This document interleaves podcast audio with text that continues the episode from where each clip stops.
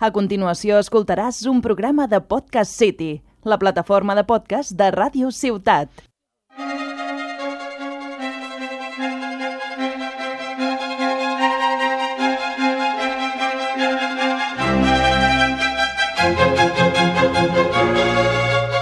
Entrevista a la vista amb Conrad Hortolà.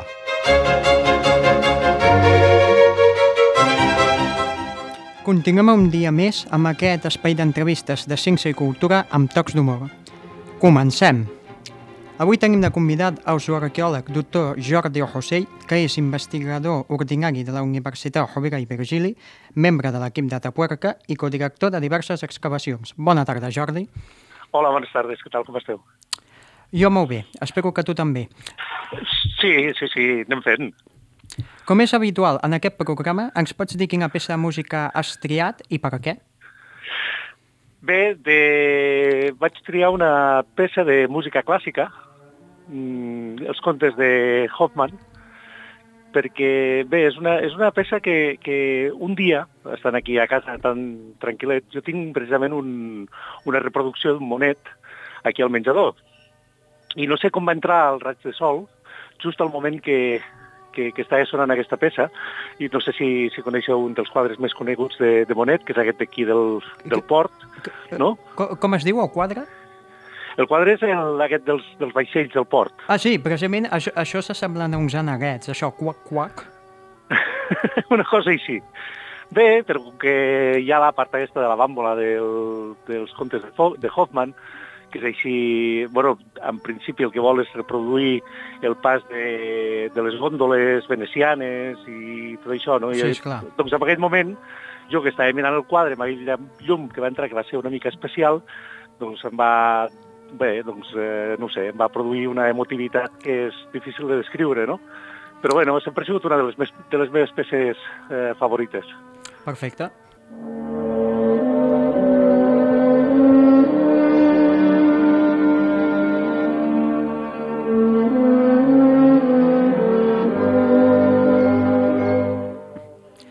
Quan et va començar a interessar la zooarqueologia?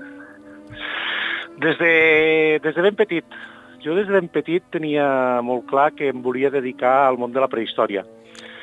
Perquè, doncs bé, doncs això de, de, de saber que hi havia hagut una altra humanitat diferent a les nostres, a la nostra, doncs a mi sempre em va sobtar, no? I volia saber què feien, com vivien, i, i després, doncs, eh, no sé, potser una mica el sentiment de que, de que estem molt sols, no? Perquè som tots el mateix. I no- sols, no però... m'inspirava. En quin sentit? En quin sentit molt sols? Potser que quan era petit eh, eh, el fet de, que, de saber que hi havia hagut una altra humanitat em, eh, em donava la sensació de que, bé, doncs, un món així una mica més de fantasia, no? Potser amb altres espècies, altres formes de vida Ja, esclar. intel·ligents, no? Doncs podria haver sigut un món molt més divertit. I ara, doncs, eh, estem sols, no? Només hi ha humans, no? Hi ha Homo sapiens i para Sí. de comptar. Mm, I, i, i això, doncs, bueno, té, té poca gràcia. Després, quan et vas fent gran, te'n vas donant compte que la diversitat és molt gran no? i molt important i que probablement aquestes eh, espècies que van anar desapareixent el nostre camí doncs haguessin arribat al mateix punt, no? una gran diversitat però una única espècie. Ja, però has tingut en compte que si, no, tot i que som una sola espècie dominant i, i això del canvi climàtic i tot, no creus que si encara hi haguessin més espècies encara estaria pitjor la cosa? Ja ho he pensat, ja ho he pensat, si avui en dia tenim problemes de racisme, doncs eh, què hagués passat amb una altra espècie? Haguessin hagut problemes de, de no ho sé, no? No sabria ni com definir-ho. Però, però bé, eh, jo suposo que de la mateixa manera que avui en dia les diferents formes culturals eh, són totalment enriquidores, el mateix podria haver passat amb, amb d'altres espècies, no? El compartir coneixements, experiències, veure en quines coses podrien haver destacat les altres espècies que nosaltres no som capaços de fer. És clar. No sé, o sigui, penso que hi ha una cosa que està molt clara, el progrés sempre va endavant, no? I, i de la mateixa manera que nosaltres estem tirant endavant en un món molt tecnològic, doncs potser les altres espècies haguessin tirat endavant en un món diferent, no? Uh, tu creus que si l'home ha progressat tant és per la seva total falta d'escrúpols envers a les altres espècies d'animals? sí, per suposat. Ja, ja, Ja. a veure, a veure, la, la tecnologia corre més que nosaltres, això, això és evident, no? La tecnologia és bona, per, per definició, Sí, Val? I una altra cosa és l'individu que la fa servir, ja. no? És, és a dir, doncs, eh, et posaré un exemple molt senzill, no? Una, un ganivet, Sí, un ganivet, servir. clar. un ganivet pot servir per tallar, eh, per esmolar, per fabricar altres eines, per fer 50.000 coses, però també pot servir per matar, tot depèn de qui el faci Ja. servir. No? I Sí. bé, doncs el problema és que hi ha menys privilegiades al nostre planeta que no se n'han donat compte d'això, no? de, que, de que bé, doncs, l'avarícia o, o els interessos econòmics evidentment fan que s'utilitzi o es mal utilitzi bona part de la tecnologia o s'utilitza s'utilitza amb fins foscos i aquest és un dels problemes, però bueno, a la, al final jo suposo que eh, s'acabarà imposant el raciocini, no? Podria ser, podria ser. Esperem-ho, esperem-ho. Ara mateix tenim un repte molt gran, estem parlant tots del canvi climàtic. El canvi climàtic no és una cosa nova, és un fenomen eh, bé, mm, ja ha sigut sempre, sempre n'hi ha hagut de canvis climàtics, però ara sembla que, que efectivament el que estem, o estem contribuint nosaltres a produir pot ser dràstic en, algunes, en alguns aspectes, i sembla que hi ha senyors d'aquestos molt poderosos que això del canvi climàtic els hi pot arribar a tocar molt la butxaca. Ja. Com a mínim els polítics ja en parlen. I si Sí, en parlen, cert. bé, són, ja saps que els polítics són com dinosauris, no? No, no, no t'entenc. Són molt lents, no? Ah, Eh, bueno, van, van com ja. 30 passes al darrere del, del, del que va al món, no? O sigui, el món corre més que ells, Ja. no? Doncs bé, doncs ara ja, com a mínim comencen a parlar d'una cosa que als anys 70 se'n parlava, no? Però bueno, a poc a poc, a poc a poc, jo suposo que amb temps i una canya al final els farem creure. A poc a poc hi ha bona lletra, sí, esclar. Eh, això mateix. Des de quin vessant estudies les restes òssies d'animals? Paleocologia, tafonomia, etc. Sí, és veritat, jo ja, ja, ja has vist que això de parlar se'm dona molt. I ja m'havia estat una pregunta. Es nota, es I- nota. M'havia estat una pregunta i jo ja me n'he anat per les branques i he començat a parlar dels- de- de- d'una cosa completament diferent. Jo eh, tenia una, una gran passió, que era, per una banda, la- l'arqueologia, la, història de, la, la història dels altres humanitats, i per una altra banda, els animals. No? I, I al final he aconseguit mm, combinar les dues, no? que és a dir, eh, jo ara mateix estudio les relacions que s'estableixen entre els animals i els grups humans del passat. Val? Ja. Aquesta és una, seria una de les millors definicions que hi ha de zooarqueologia. Ja, es pot dir que has agafat les dues coses per no quedar-te només amb una. Efectivament, Mm, efectivament. veig. I dins d'aquestes, una de les meves passions, que són els, els carnívors, els grans carnívors, sobretot, Mhm. Interessant. Doncs, eh, eh, sí, eh, ara estem desenvolupant un projecte en el qual estem veient com va influir el comportament dels grans carnívors en els humans.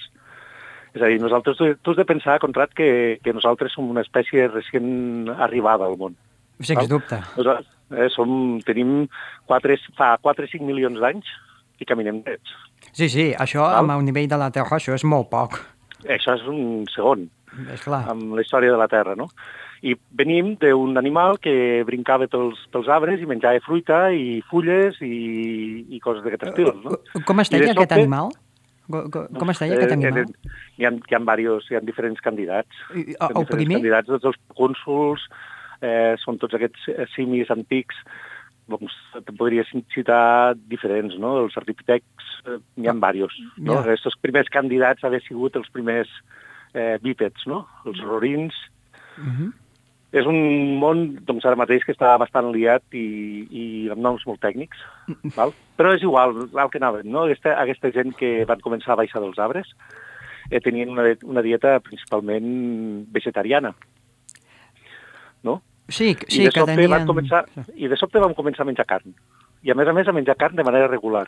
I a més a més a proporcionar-nos carn de manera regular també, no? És a dir, vam començar a desenvolupar, a desenvolupar caces de, eh, tècniques de cacera i a consumir la carn cada vegada més. Ara mateix som una de les espècies més carnívores que hi ha hagut mai, Ja. sobretot la societat occidental, que no parem de menjar hamburgueses. Per tant, no? Per Sí. tant, eh, eh, eh, és un salt quàntic, en el que és, no hi ha cap espècie a la Terra que hagi fet una... de macromamífer, em refereixo, val? que hagi anat tan de pressa, fer un canvi tan dràstic en el que és la seva manera de viure, no? I no som no, només nosaltres, les altres espècies humanes que van co coexistir amb l'Homo sapiens van fer el mateix, no? Menjaven molta carn, eh, caçaven i van començar una carrera tecnològica que ens ha portat fins avui. Doncs, doncs bé, doncs, eh, hi ha una part d'aquesta discussió que, eh, una línia, que és la que estem desenvolupant nosaltres, que eh, indica com nosaltres vam ser directament influïts pel comportament dels carnívors, sobretot a l'hora d'aprendre a caçar. Potser al començament érem uns grans carronyaires del que anaven deixant els carnívors, però immediatament vam començar a caçar, no? I ara estem veient que els primers caçadors, caçadors regulars d'animals, tenen més de dos milions d'anys. O sigui, els primers membres del gènere Homo ja eren caçadors.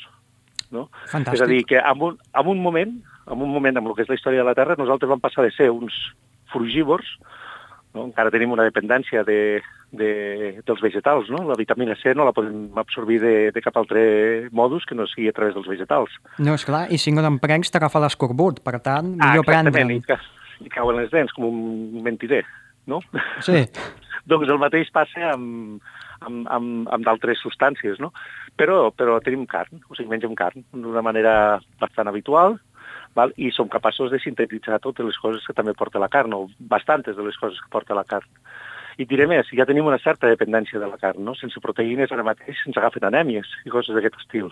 Sí. Ara avui en dia, avui en dia, precisament la tecnologia ens ha permès doncs, eh, eh, poder triar dietes veganes o dietes eh, vegetarianes, però sempre hi ha uns suplements que, que venen de, de, bé, de, de, de les proteïnes o de ferro no? que necessitem anar integrant el nostre organisme perquè ara mateix tenim una certa dependència d'aquests productes càrnics. O sigui que aquest canvi a mi em va fascinar.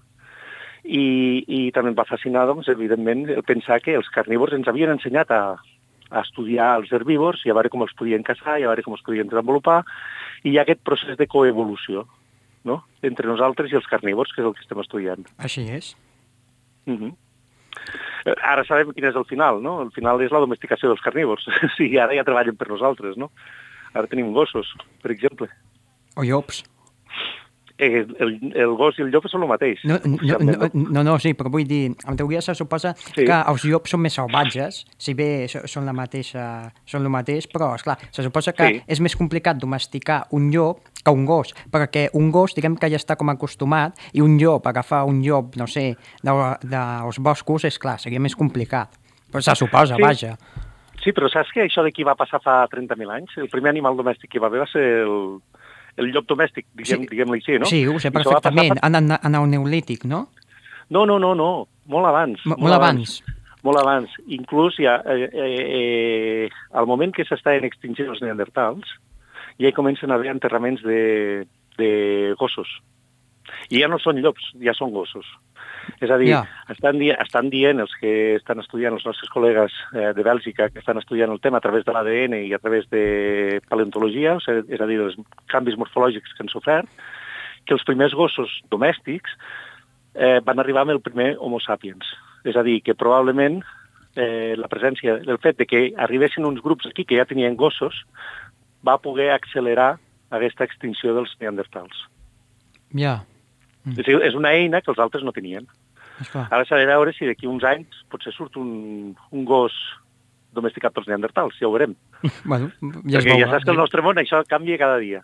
Sí, sí, constantment canvia. Sí, sí, sí. Aquí és la gràcia també. Doncs mira, ja que parlem de vegetals, uh, Sí. se m'acut parlar de les vaques. Si pensem en les vaques, sempre les veiem pasturant, però durant molt temps, i tinguem en compte que tenen quatre estómacs per digerir-ho tot. Sí. Per tant, això em ve una pregunta al cap i és de que el fet de menjar només vegetals, com els animals herbívors, et poden deixar en un estat vegetatiu, mai millor dit. El fet de menjar tants vegetals ens poden deixar tombats. No, no, no. El que vull dir és que si el fet de només menjar vegetals sense, sense menjar carn pot afectar d'alguna forma el cervell i deixar en un estat més dèbil. O sigui, més o menys com les vaques. Es passen tot el dia menjant, les vaques. I els carnívors no, els lleons no, no es passen tot el dia menjant. Mira, et diria, et diria que sí, et diria que sí amb un... bé, amb moments preindustrials. Val? Avui en dia ja no. Avui en dia eh, cada dos per tres anem al metge, ens fem analítiques i el metge ens diu eh, et falta això, et sobra això... Sí, una no anàlisi de greix. sang. Sí. Exactament. No mengis tant greix, tens els triglicèrids a dalt de tot, o, o el colesterol, menja més vegetals, o no en mengis tants, o fes, no sé, no? I, i avui en dia, doncs, si tens un problema de dieta estil, el primer que fan, si convé, et donen eh, suplements o complements a la teva dieta, val?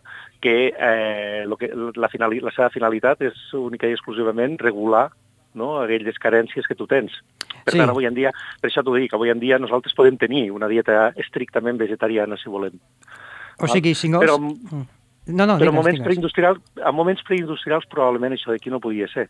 Ja. Val? I aquesta dependència de la carn s'havia de suplir d'alguna manera menjant carn. No hi havia més volta de fulla. I sobretot no, no hi havia greix. tutia. Clar, i sobretot menjant greix. Ja. Val? Ah. Perquè el que nosaltres sintetitzem Interessant. millor de la carn és la part que el, el greix, no? allò blanc que quan som petits moltes vegades l'apartem perquè no ens agrada o ens fa fàstic, doncs allò Sí. és, és, és molt bo. O menjar cervell, per exemple, pel nostre propi desenvolupament cerebral. Tot això que posen avui en dia als iogurts i a tot arreu, omega-3, no? Aquestes Sí. proteïnes, doncs que al final eh, eh, són i van directament al, al cervell perquè el nostre cervell és molt gran en relació al nostre cos. Sí, l'omega 3 també Val. porta el krill. El krill. Fa, fa Sí. oli de krill. Sí, i el peix blau. El, el peix Però blau. clar, però clar, has de pensar, per exemple, els, els, els humans que jo estudio, els neandertals, per exemple, doncs aconseguir peix blau per ells havia de ser una aventura, perquè això significa en molts casos eh, pesca d'altura. Mm, sí, és clar. Catonyines, sardines i tot això d'aquí era molt difícil, era ciència-ficció gairebé per ells, Massa complicat. molt complicat. I aleshores, doncs, eh, l'única manera que tenien d'aconseguir eh, eh, omega-3. També n'hi ha amb segons quins fruits secs, necessites menjar unes quantitats enormes per aconseguir la mateixa quantitat que pot portar una sardina o que pot portar el cervell d'un altre animal. Molt bé, doncs ara anem a parlar de les excavacions, si et sembla bé. Uh -huh. D'acord. Molt bé, claro. Uh, quan vas anar a excavar per primer cop a Tapuerca? Ui, era molt jovenet. I potser hi ha un tal hortolà que potser se'n recorde. Jo vaig començar a Tapuerca l'any 89. O sigui, ja fa 30 anys. Sí, és cert. 30 anyets. I, i què? Quina, qui- quina va ser la, les teves impressions del primer cop? Molt Bé, complicat, quan- molt així, com? Sí, bé, quan, eh, quan arribes eh, per primer cop, tot i que aleshores eh, Tapuerca encara estava a les Breceroles, eh, quan arribes a un, a un lloc eh, amb tants jaciments i en aquell moment érem màxim 40 persones perquè no hi havia els mitjans que hi ha avui en dia per fer eh, les, les excavacions que s'estan fent, el primer que penses és, uf, això no ens ho acabarem nosaltres. Ja, I, efectiv clar. I efectivament, no? I efectivament. Però també és veritat que en aquest moment sí que saps que és un jaciment que és molt ric, sí que saps que és eh, un, un lloc que, que et donarà moltíssimes sorpreses, val? però tampoc t'esperes que tot el que va passar o tot el que ha anat passant durant tots aquests 30 anys, no? Mm, Ja, Això eh, era impensable i sobretot pensa que mm, en aquell moment, no, als anys 80, aquí doncs, tu senties parlar de les grans meques de la prehistòria i les grans meques de la prehistòria estaven uh, a, a l'est d'Àfrica, a Xina, a, al sud de França, o a l'oest de França, perdó, i a Pròxim Orient. No? I això eren els grans mites no? de la prehistòria. I nosaltres aquí, doncs, mira, en teníem, en teníem un, no? I, i ara ja està, ja està en marxa. Ara podem dir que, efectivament, nosaltres aquí, a la península Ibèrica, en tenim un, de, un focus de prehistòria molt interessant, no? I Atapuerca o el Cantàbric, no? Has de posar també Atapuerca en el context general de la península Ibèrica, doncs aquí en tenim un de molt gran, no? sí, sens dubte. Sens dubte. Uh, creus que això de la primera vegada pot ser el punt d'inflexió per moltes coses? Per exemple, un intenta saltar 5 metres. Si ho aconsegueix, és probable que ho intenti, però si no ho aconsegueix, què creus? Creus que ho tornarà a intentar o ja veurà massa complicat i ho deixo anar? Com, com valores això de la primera vegada, tu? Uf, eh, tot depèn. Tot depèn. No? Hi ha moments i moments. Hi ha moments en els quals tu dius no, no, no, no això s'ha de continuar endavant, sigui com sigui, i sobretot si veus un potencial, i això acostuma també a anar molt relacionat amb la joventut de, de la gent, Ja, vols dir que si un té molts anys ja rendeix més. Ja, mm, exacte, ja selecciona més, Mm. no? És a dir, tu has de pensar que quan jo vaig arribar a Tapuerca, els que són avui en dia els directors, eh, tots just tenien 35 anys, si arribaven. Ja, Eren molt joves, eren molt jovenets. No? I bé, en aquell moment se'ls estava posant, o tenien en perspectives de tenir aquell monstru eh, al davant, amb tota una vida pel davant, amb tota una vida científica pel davant. ja. I ells hi portaven, doncs això, els seus eh, 10-15 anys, alguns, no? com el propi professor Carbonell, que Sí. és des del principi, ell va començar l'any 78, o sigui, 9 anys abans que, que arribéssim nosaltres, no? I, I això el que vol dir és que, efectivament, per ell, doncs, allò era pràcticament, un, no sé si ell s'ho devia considerar una aposta de vida, però, però al final ho ha acabat sent. Ja, ja veig. Quines excavacions estàs codirigint actualment? Eh, sí, ara mateix eh, jo formo part d'un projecte, aquest projecte de carnívors que t'he- comentat, Sí, i l'estem desenvolupant bàsicament a les coves del Toll, de Boià, val? Mhm. que són dues coves, Molt la bé. cova del Toll pròpiament dita, que és una, un lloc que ja era conegut als anys 50 per ser un dels llocs, una de les col·leccions d'os de les cavernes eh, més important de la península ibèrica, val? i l'altre és Val, la cova val. de les Peixoneres, i l'altre és la, la cova de les Peixoneres, que és una coveta més petita, més modesta, sí. eh, que està a escassament 50, 50 metres de la cova del Toll, i on en principi hi ha eh, una alternança entre ocupacions de neandertals i ocupacions de, de hienes. I per cert, ara aprofito per dir-vos que podeu anar-les a visitar com vulgueu perquè són coves que són visitables.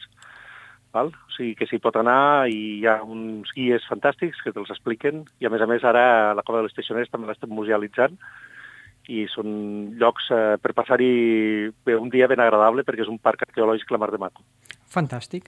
Quina ha estat la descoberta en la que has participat que t'ha impressionat més? Doncs mira, doncs, eh, òbviament té, té a veure amb, amb Atapuerca, no? A Matapuerca, Atapuerca. precisament, sí, a l'any 90, has de pensar, jo era un xaval de 20 anys, de 22 anyets, Molt jove? sí, i estàvem excavant, netejant i bé, fem una petita excavació de salvament a la que és la, la part inferior de, de la Grandolina, no? del jaciment de la Grandolina, Sí. i allí netejant doncs, va aparèixer eh, quatre peces d'indústria lítica que en aquell moment, als anys, eh, començament dels anys 90, no hi havia, no? i nosaltres estàvem excavant en aquell moment un, un jaciment que tenia aproximadament uns 700.000 anys, segons el, les tècniques de l'època. No? Clar, trobar aquella indústria lítica que envellia 200.000 anys més el primer poblament humà europeu de, o d'Europa occidental, es va iniciar tot el que va ser després el sondeig de la Grandolina, la, el veure sediments més antics de d'altres jaciments. És a dir, el que va fer va ser impulsar tot el que seria el desenvolupament posterior d'aquest Pleistocè inferior, d'aquestes cronologies de més d'un milió d'anys que hi ha avui en dia a Tapuerca. No? És a dir, el, va ser un, per dir-ho d'alguna manera, no? des, del, des de la meva percepció, no? des de la meva perspectiva, va ser com la, no? aquest petit aleteig de, de la papallona que crea un tsunami a l'altra punta del món. No? L'efecte papallona. Efectivament. Veig. Eh, Què heu trobat dels neandertals al Pirineu? Sí, estem treballant també uns jaciments aquí al Pirineu. El Pirineu és mala zona, en principi, Oh, no per, sabia. per diverses raons. Sí, primera perquè mm, és una zona que és molt activa des del punt de vista geomorfològic, amb el sentit de que eh, les diferents glaciacions que han hagut eh, han creat uns desgels importants i uns processos d'erosió molt forts al que serien les coves i les terrasses dels rius. Nosaltres ara mateix estem excavant a dues coves, eh, les dues al Pallars Jussà, que són la cova de les Llenes i la cova dels Tritons, eh, que estan al Congost d'Erinyà, i bé, el, el més important és que nosaltres hem aconseguit veure que havia hagut poblament humà. I aquest poblament humà, en principi, bueno, doncs no és que estigui molt ben conservat, però com a mi ens està donant indicis de grups de, de neandertals que estan visitant les zones periglaciars del Pirineu. Curiós. És a dir, que allí hi havia vida, no? I, per tant, els límits de- d'aquesta gent amb zones de mitja muntanya o de gairebé d'alta muntanya doncs eren eh, gairebé igual que els que poden ser que els nostres avui en dia, no? Devien ser els, els esquimals dels neandertals. D'on ve el nom d'home de Neandertal? Uf, l'home de Neandertal, el nom ve de, de la vall de Neander, a Alemanya, no? I sí que sé que hi ha hagut alguns noms estranys pel mig, que també s'ha de veure... Clar, eh, abans ho comentàvem, no? L'homo stupidus, no? Sí. E eh? Era intel·ligent l'homo stupidus? Sí, que era intel·ligent. Era molt intel·ligent l'homo stupidus. Al seu moment cronològic, sí, sí, sí. El, els neandertals, doncs avui en dia sabem, per exemple, que van ser els inventors del foc, del foc controlat, no els que van inventar el foc, sinó els ja. que van els que el van domesticar. Domesticar, domesticar. No? Els sí. primers que fan barbacoes, tal com les entenem nosaltres avui en dia, és a dir, focs de camp, no? això que fem quan anem d'excursió, de, de seure al voltant del foc, explicant històries i coure sí. la carn, sí. i dormir a la vora del foc, això els primers que ho van fer van ser els neandertals. I ho van fer aquí a Europa Occidental fa eh, més de 400.000 anys. És val? molt. És molt és molt. I els homo sapiens que estaven a l'Àfrica, en aquell moment, per exemple, només per citar un exemple, val, els fogats més antics que tenen els, els domesticats, així amb aquesta funció que nosaltres estem dient, eh, no arriben als 200.000 anys. És a dir, que amb això el Neandertal li portava uns 200.000 anys d'avantatge als, als, als sapiens. I bé, hi van fent les seves cosetes, no? Ara mateix, per exemple, doncs ja estem veient que fa 100.000 anys els neandertals ja portaven els seus collars, no? i s'ornamentaven amb plomes, eh, enterraven els morts. És a dir, mm, era una humanitat paral·lela a nosaltres. No? Molt interessant. O sigui que no podem dir, per exemple, doncs, com moltes vegades s'ha insinuat, que els sàpiens intel·lectualment eren superiors. No, això no ho sabem. Al mateix moment, Mira, et posaré un altre exemple. O sigui, jo també tinc la, la sort de participar en un projecte israelià. Uh mhm. -huh. val? I treballo amb la gent de la Universitat de Tel Aviv i bé, doncs fem unes combinacions, uns estades allà eh, treballant amb ells, discutint i bé, i publicant articles molt interessants perquè, clar, allò és un món de contacte, no? I per nosaltres és molt interessant veure aquest contacte entre neandertals i sàpiens. Doncs els jaciments de neandertals i els jaciments de sàpiens allà, si no tens restes humanes que et diguin neandertal o sàpiens, són indistingibles actualment, a nivell tecnològic i a nivell de, de comportament. Increïble. Tenen absolutament el mateix. Per tant, érem iguals. Ja veig. A part per què uns desapareixen... Ah, digues. Per què uns desapareixen al, al final? Doncs això sí que no ho sabem. Jo tampoc. No ho sabem. No. I ells, quan van desaparèixer, suposo que tampoc ho acaben d'entendre massa bé. Ja. A part de Tel Aviv, quines col·laboracions internacionals estàs fent? Sí, estic participant en un eh, projecte francès del CNRS, que precisament sóc el coordinador de la part de, dels grans carnívors. Molt bé. Eh, he estat treballant també molts anys amb italians, als mm. jaciments del centre de la península, i amb els alemans, últimament també hem començat algunes col·laboracions amb algun aspecte també relacionat amb la arqueologia i clar, per nosaltres és molt interessant comparar el limes que nosaltres, neandertal, no? que nosaltres podem tenir aquí als Pirineus, amb el que seria realment el limes, el limes del seu pol nord, no? perquè més amunt d'Alemanya, a partir d'allí ja, no hi ha, ja no hi ha res més al món dels neandertals, no? No. Eh, i, I bé, també vaig, vaig, tenir, vaig fer els meus, els meus pinitos africans, però però Àfrica, en principi, mm, no, no me'ls acabo. Els neandertals, no m'acabo els neandertals, no, no m'interessa la línia dels sàpiens encara. Potser més endavant ja farem alguna cosa. Quins records tens del programa Sota Terra de TV3? El programa del Sotaterra. El programa del Sotaterra, eh, bé, no, és, no era una tonteria, era un programa molt, molt, molt interessant. Ningú ha dit que sigui una tonteria. No, no, no.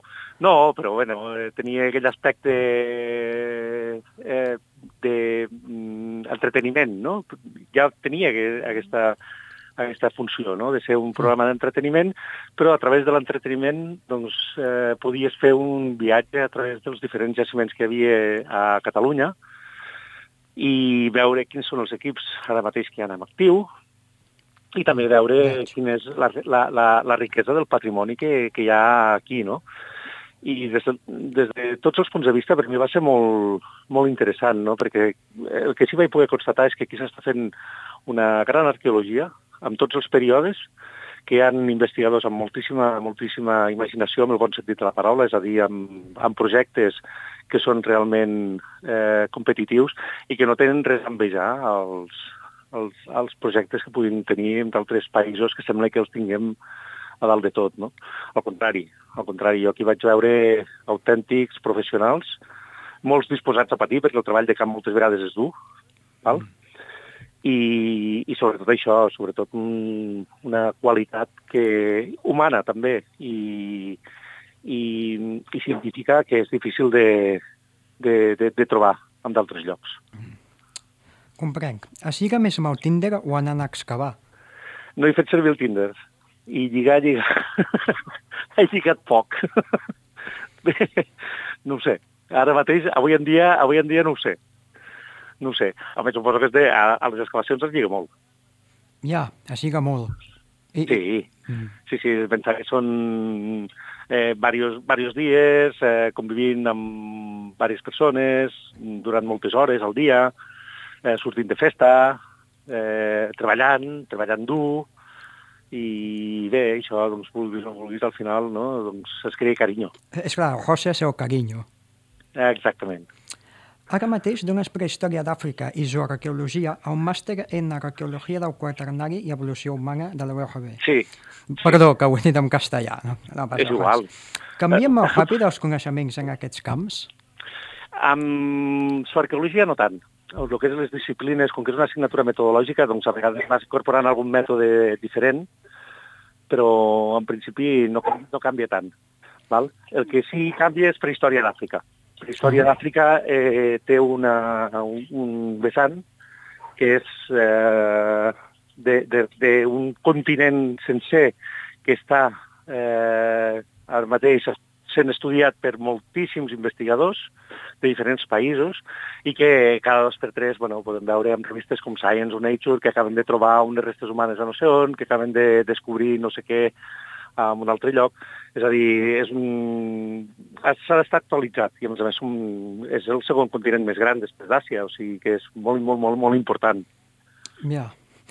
Doncs ja anem acabant l'entrevista, però no sense abans escoltar quina cançó de música has triat i per què. Bé, quan me vau demanar, en aquell moment estava escoltant un disc antic dels, dels Rolling Stones, val? el Give Me Shelter, i bé, és una, una cançó que, a part de, de tècnicament ser boníssima, perquè per mi té uns dels millors coros de la història del, del rock and roll, val? Uh -huh. eh, té un missatge pacifista mm, que mai nosaltres hem pensat que, que el poguessin tenir els Rolling Stones, no? Sinó que sempre els hem vist més fiesteros i més eh, lligonets, no? Sí, per exemple, que el que podria ser el John Lennon, però també tenen aquest vessant i la cançó per mi és, eh, tècnicament és perfecta. Molt bé, doncs anem a sentir-la més alt.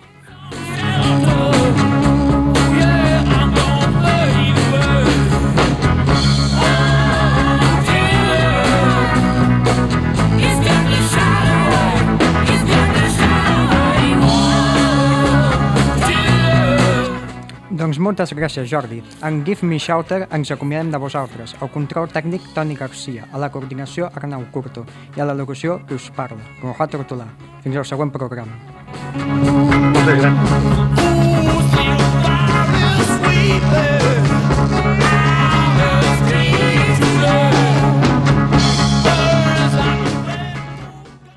Has escoltat un programa de Podcast City, la plataforma de podcast de Ràdio Ciutat.